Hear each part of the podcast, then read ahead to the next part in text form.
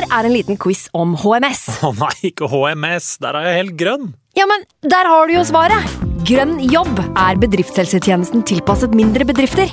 Våre HMS-eksperter hjelper mer enn 8000 bedrifter over hele Norge med alt fra lovpålagte HMS-krav til pålegg fra Arbeidstilsynet.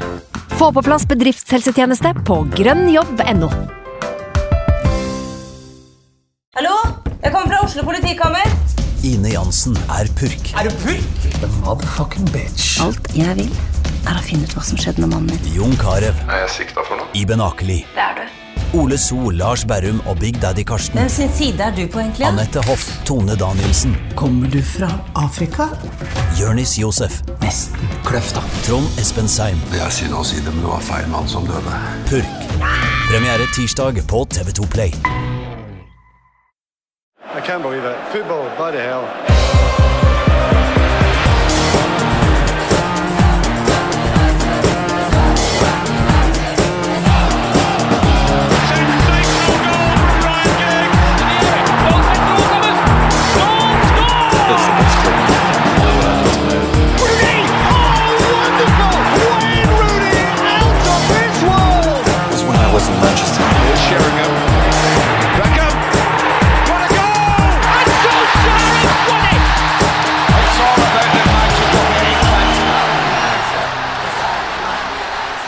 Velkommen til en ny utgave av United We eh, podcast. Jeg heter Ken Vasenus Nilsen. I dag så har jeg ringt opp én kar i Trondheim. Han heter Sven Biskår Sund. Hallo, Sven. Hallo! Hallo, Godt å høre fra deg. Hallo, hallo. Og så har vi også eh, ringt opp eh, London. Bjarte Valen, hallo. Hei, hei. Alt bra? Ja da, det går bra. Det her er jo en av fordelene med at vi nå pga. grunn av pandemien må sitte på Skype og lage podkast. At det går an å få med seg folk som eh, ikke er i Oslo. Vi vanligvis spiller inn podkasten. Sven, du var jo med sist etter 5-0 over Leipzig.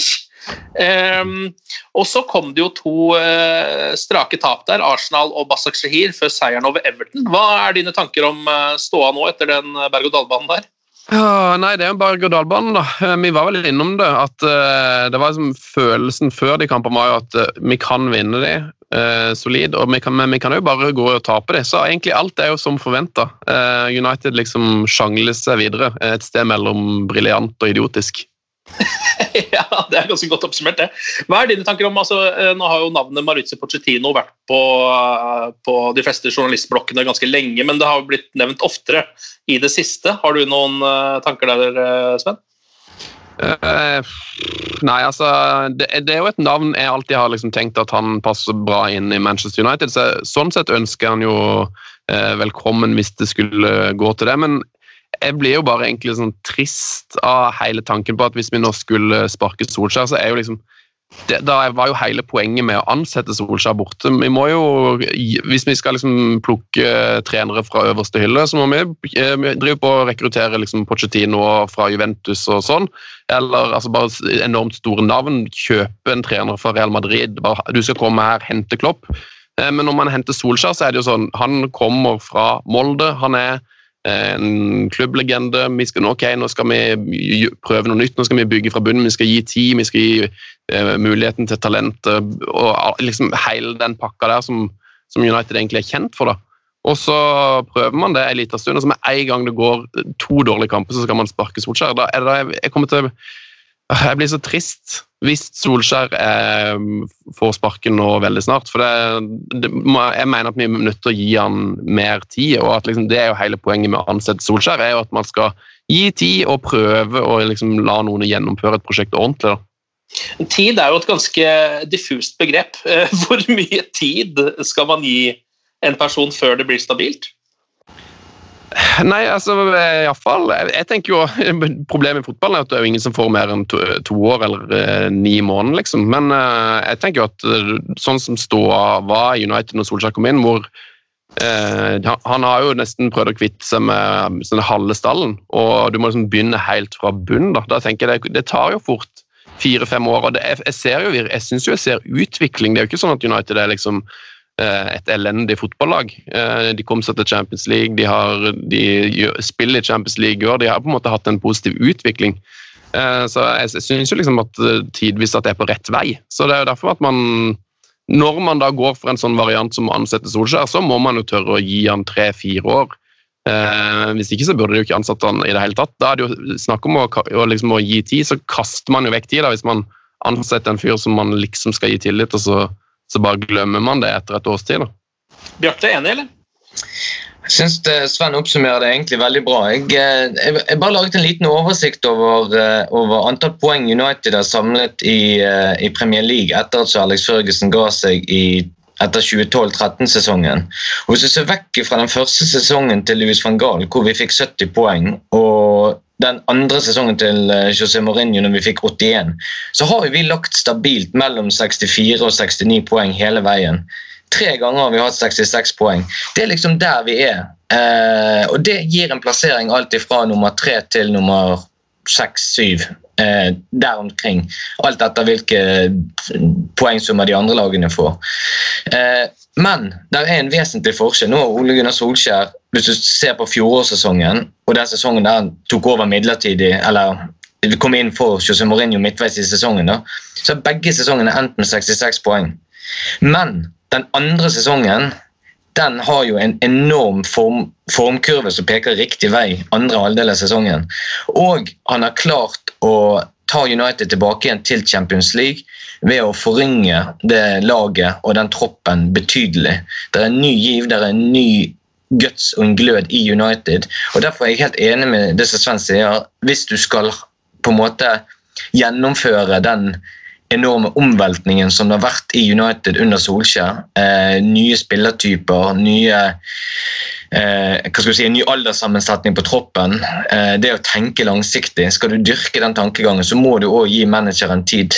Eh, men siden laget er relativt ferskt fremdeles, og at det er en del unge spillere, så vil òg resultatene svinge litt. Når det er sagt, Grunnen til at hele den historien med Pochettino dukker opp, er jo fordi at resultatene innledningsvis denne sesongen har variert noe helt vanvittig. og Det er særlig hjemme på Old Trafford at det, det har buttet imot.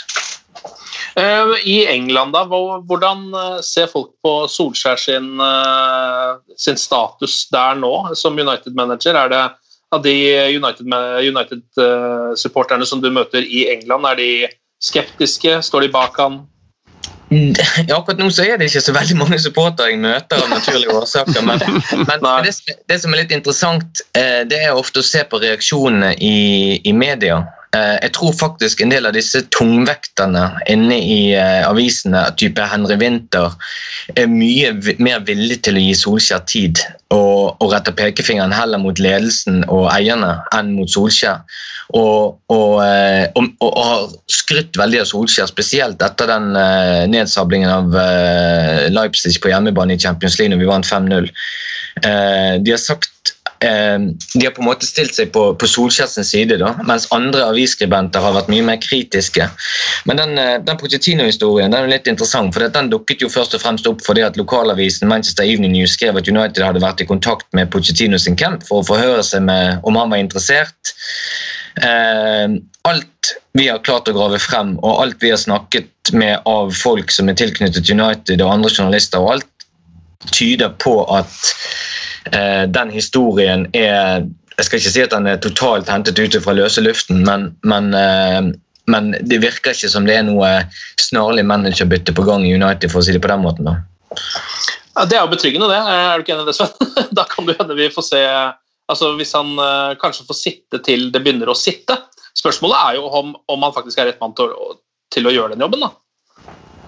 Ja, det, men det må, det må, vi på en måte bare stole på at han er. Eh, for liksom var det jeg prøvde å, å si litt i stad, når man først har gått med Solskjær, så må man på en måte gi han, eh, gi han tilliten. Så mm, jeg, jeg, håper nå bare at han får eh, prøvd seg, at han liksom får sving på det. At det blir en sånn ny Sir Alex-historie om at Husker du når Sir Alex nesten fikk sparken, og så viste det seg å være rett mann allikevel?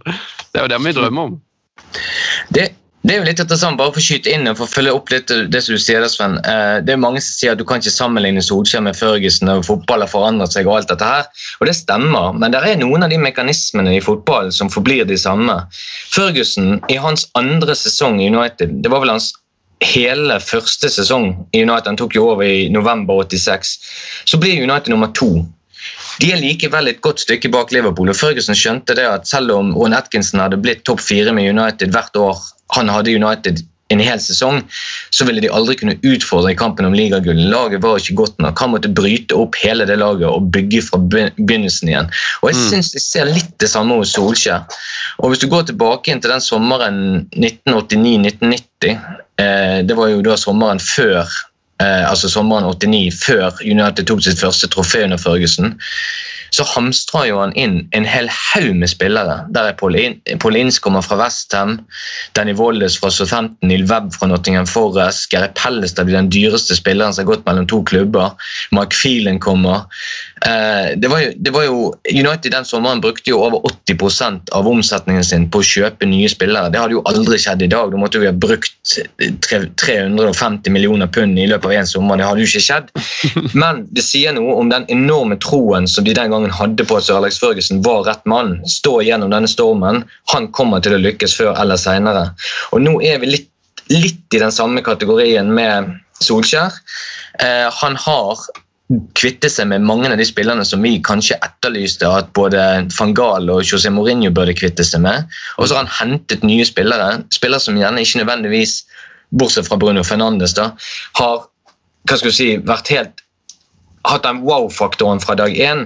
Men når dette blir samkjørt, så har jeg tro på at du kommer til å se et United som utvikler seg i riktig retning. Eh, om han er mannen som leder United til et ligagull igjen, det, er kun tiden som vil vise.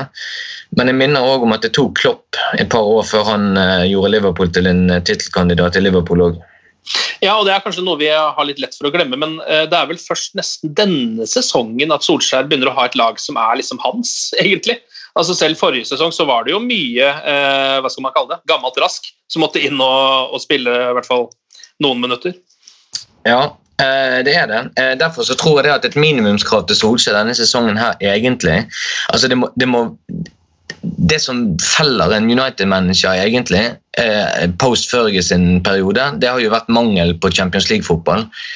Hvis du mislykkes med å ta United til Champions League, så betyr det som regel på huet og ræva ut. Det gjorde det for Moyes, det gjorde det for van Gaal, og det gjorde det med Mourinho når han var på vei til ikke å lykkes. for å si det sånn.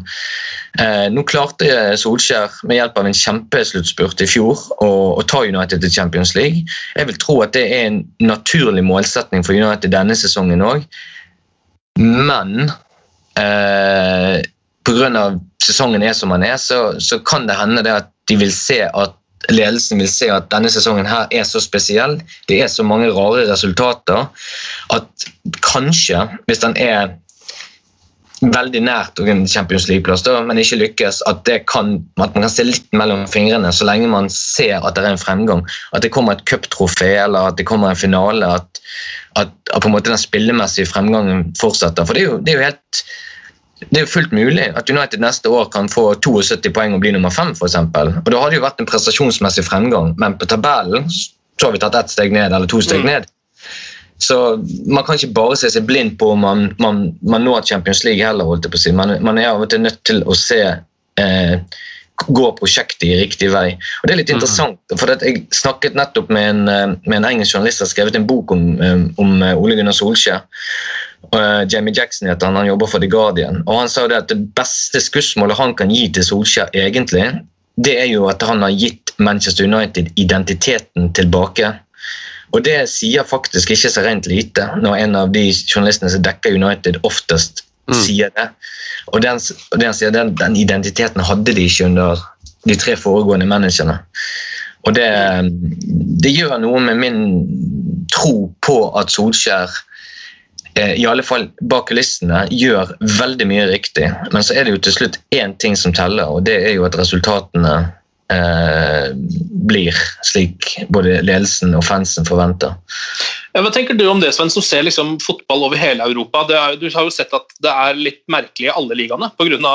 hele den pandemien og den litt sånn skeive mm. starten som alle har hatt. Så liksom, Hvor mye kan man legge i det når man på en måte skal se et prosjekt tas videre? Da? Når det er så rart uansett overalt? Ja, nei, Det er jo kjempevanskelig for uh, i hvert fall, tenker jeg, for de som liksom, sitter i styret i Manchester United. Da, liksom, ikke, det er vanskelig å basere seg på en tabell. Altså, Everton altså, har blitt skrytt opp i skyene. Hvis United vinner den hengekampen sin, så er de likt med Everton. Uh, United har klagd på at de hadde en veldig kort sommer. ikke sant? Det, det er noen lag som har fått ødelagt sesongstarten fordi de hadde kortere oppkjøring enn andre. Um, noen lag blir liksom plutselig så er noen spillere borte pga. karantene osv. så Så, så det er liksom Det er en sånn en spesiell eh, situasjon med da, og tilskuerne borte og noen lag oppfører seg annerledes. Altså, med borte- og hjemmebanefordel og sånn, eh, er litt mer borte. så og så er det jo et veldig tett eh, kampprogram hvor du kan slå ekstra hardt ut dette med å spille eh, altså reise til Tyrkia og spille bortekamp, liksom. Um, jeg tror òg at liksom, den reisebelastninga når det er så mye smitte og du, liksom, du, går opp, du tør nesten ikke å puste ordentlig. Du går så vidt og tør ikke å trekke inn luft i nesa. Men når du da skal reise til Tyrkia, og så er du sliten så, altså, Det blir mye sånn ekstra faktor på det der òg, tenker jeg. Mm, det er det jeg tenker, og det påvirker jo egentlig alt nå. Uh, Bjarte, Det er ikke så lenge siden United la fram regnskapstallene sine, og det er jo litt kanskje ekstra interessant nå pga. pandemien som vi er oppi. Uh, kan ikke du tegne og forklare litt? Eh, jeg skal prøve. Eh, det var jo ikke så veldig overraskende at det kom en eh, stjernesmell, for å si det sånn. da. Eh, og Det er jo mye pga. korona, og dels pga. Europaligaen istedenfor Champions League. Eh, men det var jo en nedgang på 118 millioner pund da, i forhold til eh, forrige sesongsregnskap. Fra 627 millioner pund og ned til 509. Eh, og Den største forskjellen den kommer jo i form av tapte TV-inntekter. Eh, ja, vi taper mye på, eh, på tomme tribuner på Old Trafford, eh, og det vil vi fortsette å gjøre denne sesongen. Men det er jo de enorme TV-inntektene som, som, United mister. ikke bare United, men alle andre lag.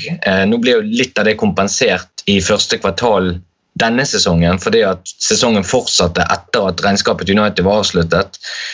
Eh, men eh, det som er veldig interessant, det er jo eh, noen av de aller største sponsoravtalene til United. Bl.a. den draktsponsoravtalen og ikke minst den treningssponsoravtalen de har med Eion for både treningsutstyr og navnet på Carrington. De skal fornyes, og det skal en haug med andre sponsoravtaler òg. Og det skal skje i en tid nå hvor bedrifter verden over blør. Så vi, eh, vi, eh, legger siste hånd på verket på neste nummer av United-supporteren. og Der eh, kommer det en ganske omfattende sak. Jeg har tatt en liten sånn virtuell rundreise i verden på jakt etter hvor kommer den neste sponsoren til United fra. Sett på ulike markeder. Asia og USA er vel de to som kanskje utkrystalliserer seg som de mest aktuelle markedene. Men med den si, politiske spenningen som er mellom Kina og USA i utgangspunktet nå, så er det slett ikke sikkert at Glaciers tør å gå for en kinesisk sponsor til United. Det kan slå veldig negativt ut hjemme i USA. Så eh, Vi har fått noen uh, fremtredende eksperter, uh, en av verdens fremste eksperter akkurat på dette som har med sponsorater og, og markedsøkonomi i fotball å gjøre, til å analysere litt for oss. Så, veldig spennende. Og Dette her er jo mer enn bare tørre tall. holdt på å si, fordi at dette er jo grunnen til at United kan bruke så mye penger på å hente nye spillere, til tross for at de har en enorm gjeld, nettopp pga. de enorme kommersielle inntektene. Svikter de, så eh, kommer det til å bli en helt annen hverdag for United eh, med tanke på hvilke spillere de kan, eh, kan hente. Og nettopp pga. sviktende inntekter så kommer jo heller ikke Jadon Sancho til United i sommeren 2020. Hadde, hadde koronasituasjonen ikke oppstått, for å si det sånn, og Dortmund hadde forlangt 120 millioner euro for han, så hadde United betalt det. Men sånn som situasjonen var nå, så hadde ikke de sjans. Ja, det, Men det høres jo ganske dramatisk ut, egentlig, for det er et slags veiskille de står ved da, akkurat her eh, og nå, hvor de må finne penger ut i verden og finne penger, hvis man skal si det enkelt. Det er det, men det som er, det som er, litt interessant, og som han eh, professoren som jeg har snakket med, Simon Chadwick heter han, han, eh, han er jo ekstremt dyktig på Eh, Asia det er et av hans eh, spesialfelt. Eh, og Han sier jo det at det er noen merkevarer som har klart å komme seg gjennom denne koronapandemien overraskende bra. Han trekker frem bl.a. McDonald's, Netflix. Nå er det kanskje ikke så unaturlig siden folk sitter mye mer hjemme og ser på TV. Men han sier det, er, det, er det et av de merkevarenavnene innen idretten som faktisk kan klare å dra i land en kjempeavtale til tross for den situasjonen som er nå, så er det Manchester United. Og Grunnen til det som han sier, det er at de har en så stor global, global fanskare at bedrifter som da ønsker å knytte seg til United, vil gjøre det fordi at de tror navnet Manchester United vil være med og gi bedriften et boost. Eh, og Litt av grunnen til at Asia er så interessant, det er jo fordi at eh, av de 1,1 milliardene som da visstnok følger United eller er fans av United, ifølge Uniteds egne tall, eh, det er jo en fremgang fra ca. 650 millioner som de presenterte i 2011, var det vel så kommer nesten hele veksten i Asia. Det er en liten fremgang i USA, det er en liten fremgang i Afrika, det er en liten fremgang i Australia og Europa. I Asia har det eksplodert. Og Det er særlig India faktisk, som er det nye markedet nå som, eh, som United eh, kartlegger. Og Det er veldig interessant, fordi at eh, United skulle til India i sommeren som var nå ble avlyst av naturlige årsaker. Men hvis verden er i vater igjen når vi kommer til sommeren 2021, så blir jeg ikke overrasket om United ligger en del av preseason-turen til India. Hvis vi går tilbake til fotballen igjen. Sven, Sven, du eh, Jeg husker at vi snakka tidligere her eh, under eh, pandemien, og da eh, hadde du en slags teori om at Manchester United kanskje ville kunne yte godt at det ikke var folk på tribunen på Old Trafford, fordi du syns liksom det ble litt sånn nervøst og spent og sånn. Og lenge så, så det ut til å holde vann, men nå ja. har de jo altså de har jo ikke vunnet noen av de seks, seks siste ligakampene på Old Trafford, vel? Eh, hva er det som skjer?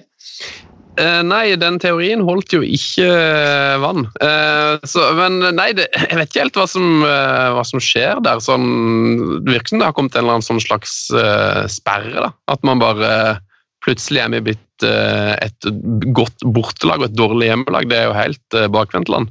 Um, og så kanskje rett og slett at eh, Det er vel det Solskjær har fått litt kritikk for. At, liksom, at han, det er kanskje noen har klart å gjennomskue på en måte planen hans. Da.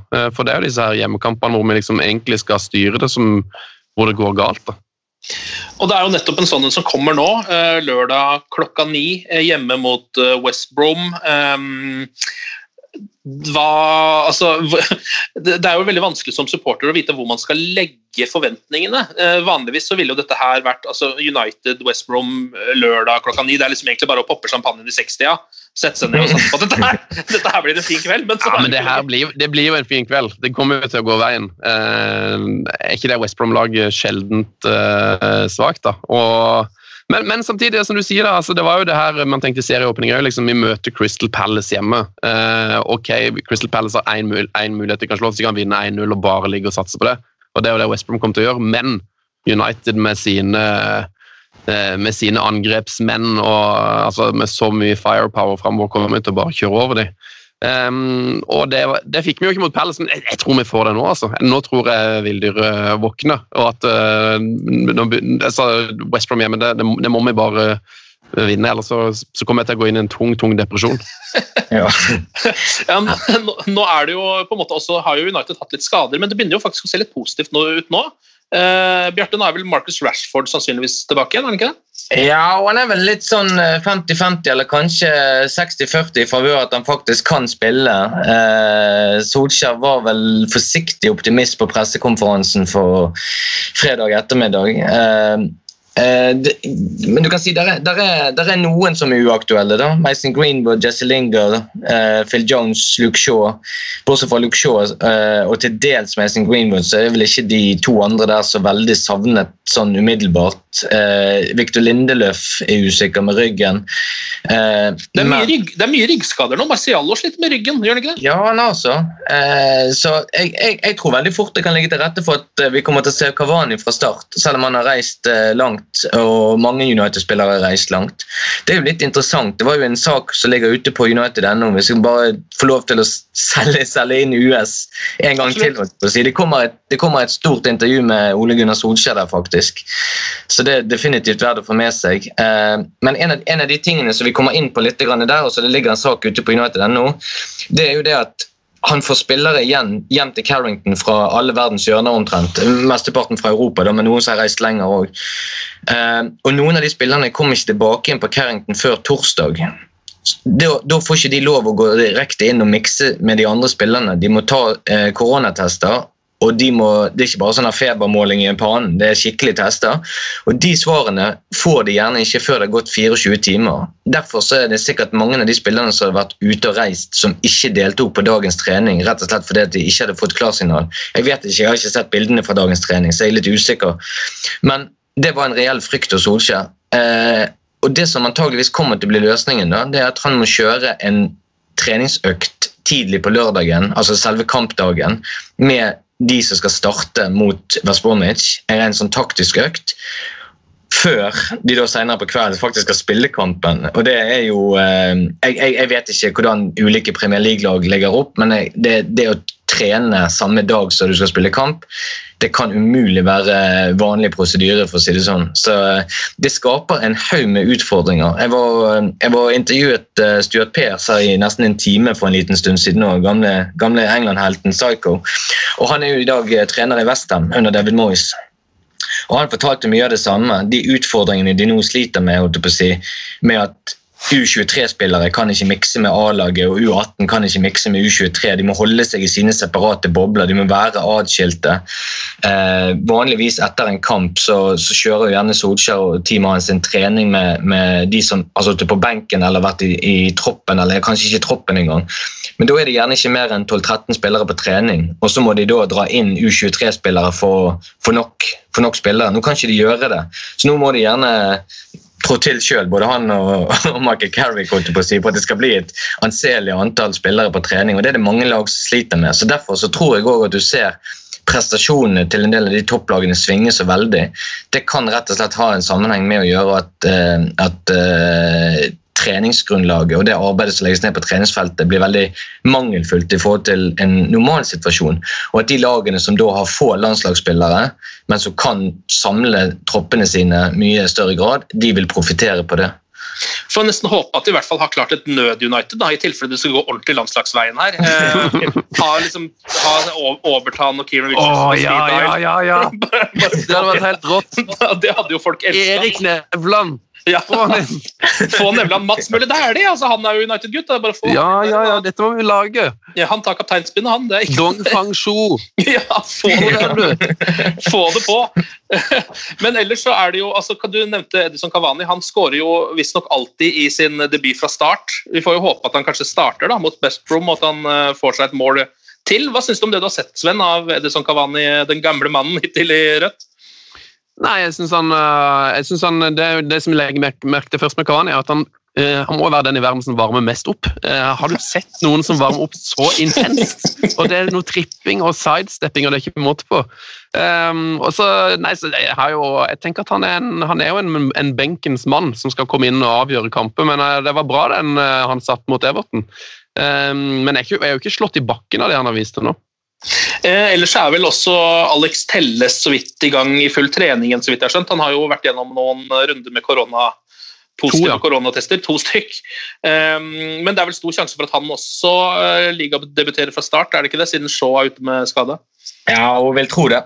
Eh, bare, bare, for å plukke opp litt på Kavani, da, for det er litt interessant. Jeg skal love at dette blir siste gang jeg prøver å selge inn i US, men, men det, kommer det, kommer en stor, sak om Kavani òg.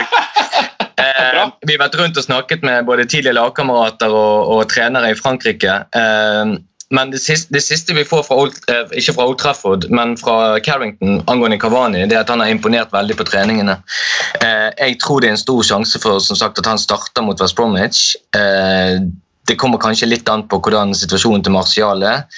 Men eh, jeg tror ikke det går så veldig lenge før eh, Kavani vil være aktuell for, for uh, førsteelveren til United fra start. Uh, og litt basert på kanskje de uh, uttalelsene til folk som kjenner han som spiller og kan det taktiske spillet litt bedre enn meg, så tror jeg faktisk det at vi, uh, vi har mye større sjanse for å få glede av han enn vi gjorde av uh, Radamel Falcao for å si det sånn, når han kom under Louis van Gaal.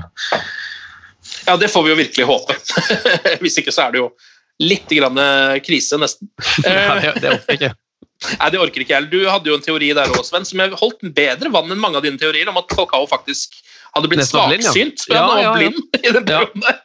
Det var en god, det var en god teori, det. Det kunne jo se litt sånn ut. Eh, vi kan ta med oss ett rykte som jeg synes var litt interessant. oppi alt sammen. Det åpner jo, det er jo ikke så lenge til det blir åpner transfervindu igjen. Det er jo i januar. Vi begynner jo å nærme oss. Um, det er i hvert fall, jeg synes det er litt interessant at eh, Eduardo Camavinga blir sånn delvis kobla til United. Det er vel snakk om at det er United, PSG og Real Madrid som ser ut til å være ute etter han. Er jo fransk landslagsspiller, spiller i renn, 18 år. Um, Det mest fantastiske fotballtalentet jeg har sett på mange mange, mange, mange år. Eh, En helt enormt fet spiller. Så hvis man skulle hente han, så da flytta til Manchester, tror jeg. For han, er altså, han kan bli så god, han. Han er helt vill. Ja, han, jeg synes også han virker veldig god. Nå har jeg bare sett han liksom i noen få sånne altså Egentlig mest Frankrike, men uh, han virker veldig bra. Kan spille litt dypt på midtbanen, kan spille offensivt. Litt sånn komplett midtbanespiller, virker det som. Eh, snakk om minst 70 mill. euro for denne mannen. Eh, Alt dette her er jo bare Marka som kommer med disse ryktene. Altså. Så Ja. det er jo litt sånn når, det er litt sånn når de skriver disse sakene, så er det sånn Kanskje PSG snuser litt, Real Madrid, så bare Vi, vi setter på United også, for det er så Ja, ja. fint navn å få med der. Ja, det, altså det, jeg vil jo tro at For han så er det jo sikkert eh, Det vil jo sikkert være stort å, spille for PSG da, eller eh, en fransk klubb, i og med at han, eh, det er derfra han kommer. Men han, han er altså så forbanna god. Det er som, det er som Tony Cross, men så er han òg litt som Ronaldinho. Eh, så Jeg har en kompis som er helt besatt av Camaringa. så Plutselig så var jeg en kveld sammen. Må, nå er det renn, vi må bare se. Bare hvorfor det? Nei, for Der spiller det en fyr som er helt sånn, en helt unik spiller, eh. Og han var jo selvfølgelig helt sinnssykt god den kampen. Eh, sånn gåsehudgod. Så man, bare, man må bare se masse kamper med renn og følge med på han fyren der, for han kan bli, helt, han kan bli verdens beste fotballspiller. Han er helt nydelig. Og plutselig i dag så ender han opp i United. Vi får håpe det. Vi får håpe det. Vi får håpe det. Jeg vet ikke om det er noe mer dere vil tillegge, gutter, før vi eh, rett og slett eh, bare begynner å lade opp eh, rent mentalt til kampen mot West Brom. Jeg har et spørsmål til Bjarte. for det er liksom, De siste årene så har man jo hørt at United har så forbaska mye gjeld, men så det, får man jo alltid høre at liksom, selv om vi har mest gjeld i verden, så er vi allikevel også liksom så attraktiv merkevarer, og at vi på et eller annet vis allikevel er verdens rikeste klubb. Så er, Det har jeg aldri helt skjønt. Er United liksom, Emmy, Emmy fucked, eller Emmy fortsatt rike? Eh, det, det, som, det som er egentlig uh, gjeld til United, uh, bruttogjeld, det, det vi totalt skylder, den har stått stabilt i amerikanske dollar i ganske mange år. Men så har nettogjeld svingt. Nettogjeld er jo da bruttogjeld, alt du skylder, minus alle de verdiene du sitter på, for å gjøre det veldig enkelt og, og forklart. da. Ikke minst penger og eiendeler. Nettogjeld til United har egentlig vært fullstendig under kontroll eh, ganske lenge. Men pga. covid-situasjonen nå og de tapte inntektene nå i fjor, så har jo kontantbeholdningen til United, som har sørget for at nettogjeld har vært relativt lav, den har blitt altså kontantbeholdningen har blitt kraftig redusert. Da. Eh, og Dermed så har nettogjeld gått opp. Og Det er et lite faremoment som eh, jeg tror både eierne og ledelsen i United er veldig godt klar over. Og Derfor har bremsene litt grann på med tanke på nye spillere før de vet omfanget av denne covid-situasjonen. Mm. Ak akkurat nå, så du kan si Gjelden totalt sett for United har ikke endret seg, hvis du ser på bruttogjelden. Men du kan ha en høy bruttogjeld og likevel egentlig ha en veldig fin økonomi hvis inntektene dine er veldig høye. Det er når inntektene svikter, det er da det blir problemer å betjene gjelden. Så eh, vi er nok ikke der som vi var rundt 2010 og 2011, holdt jeg på å si. Altså når det bygger seg opp med, en, eh, med at uh, Gleisers hadde store problemer egentlig med å håndtere gjeld i det hele tatt og holde hodet over vannet. og Det var kun salget av Ronaldo til Real Madrid som reddet United. egentlig. Vi er ikke der. Men uh, det faktum at nettogjeld vokser, først og fremst pga. den situasjonen vi er i nå, Mm. uh, det er en situasjon som Jeg vil ikke si han bekymrer veldig foreløpig, men det er verdt å følge med på. Definitivt. Og så, er- så er det jo sånn at hvis plutselig vi får en ny avtale med Netflix, da, for eksempel, som gir oss tre milliarder, så er det, så er, det straks eh, lysere. Ja, du kan si United, Uniteds kommersielle inntekter de ligger vel på ca. 280 millioner pund. Og det er i særklasse det høyeste i Premier League. Og det er vel Eh, skal vi se om jeg tar dette på strak fot, holdt jeg på å si, på strak arm. Eh, det er vel bare Bayern München og muligens de to spanske klubbene som kan måle seg med det på verdensbasis. Så det er jo enorme kommersielle inntekter. De inntektene er det jo som egentlig redder United fra å ha en mye mer anstrengt økonomi og kunne handle spillere på en, en mye lavere hylle. Og det er de inntektene som blir ekstremt viktige å vedlikeholde eller kanskje til og med øke. Men det sier jo seg selv at det blir jo veldig vanskelig for United å gjøre det i den situasjonen som vi er nå.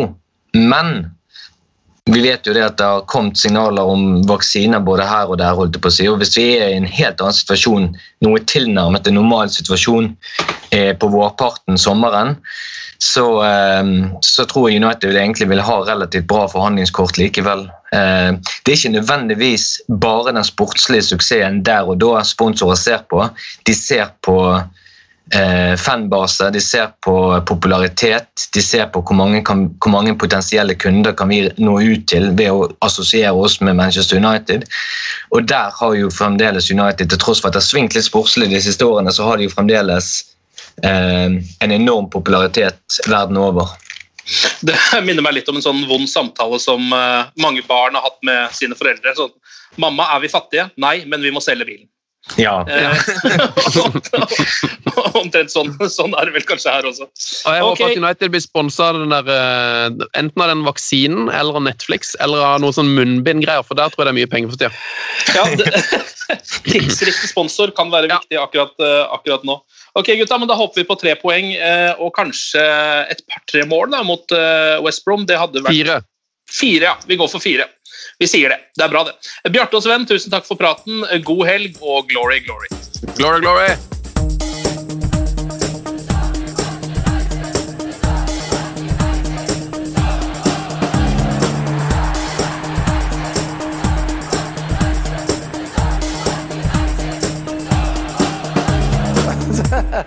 Oh, it's true. I've seen many things.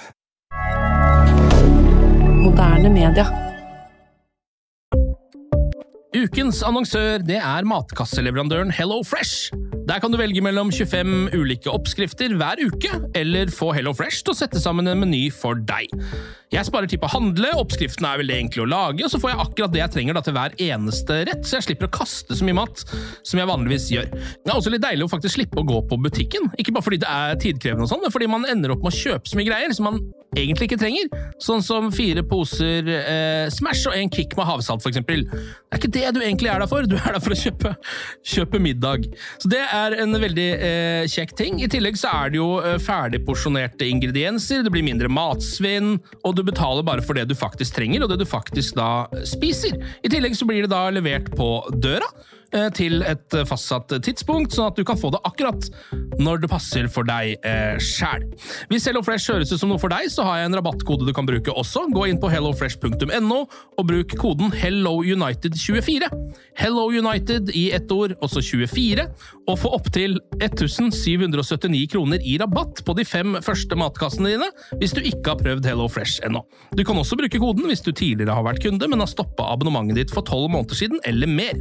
Det er ingen bindingstid, og du kan pause eller avslutte abonnementet ditt akkurat når du selv måtte ønske. Husk koden HelloUnited24, og bon appétit! Ukens annonsør er Folio, en smartere banktjeneste for deg som har en egen bedrift eller ønsker å starte for deg selv. Folio er en superenkel nettbank for bedrifter. Som kunde i Folio får du en bedriftskonto med et bedriftskort og app. I denne appen er det smarte løsninger som forenkler regnskapet ditt, uansett om du har en liten bedrift eller et enkeltpersonsforetak. Folio er både intuitivt og brukervennlig, og er laget med et enkelt språk. I tillegg tilbyr de forutsigbare priser og ingen skjulte gebyrer. Skulle du likevel trenge det, så kan du snakke med deres raske og hyggelige kundeservice, og der får du prate med en faktisk person og ikke en chatbot. Folio er med andre ord både enklere og koseligere enn banken. Over 10 000 bedrifter har allerede valgt Folio som sin banktjeneste, så besøk folio.no og se hvordan Folio kan forenkle din hverdag også. Har du et enkeltpersonforetak eller en liten bedrift? Da er du sikkert lei av å høre meg snakke om hvor enkelt det er med kvitteringer og bilag i fiken, så vi eh, gir oss her, vi. Fordi vi liker enkelt. Fiken superenkelt regnskap.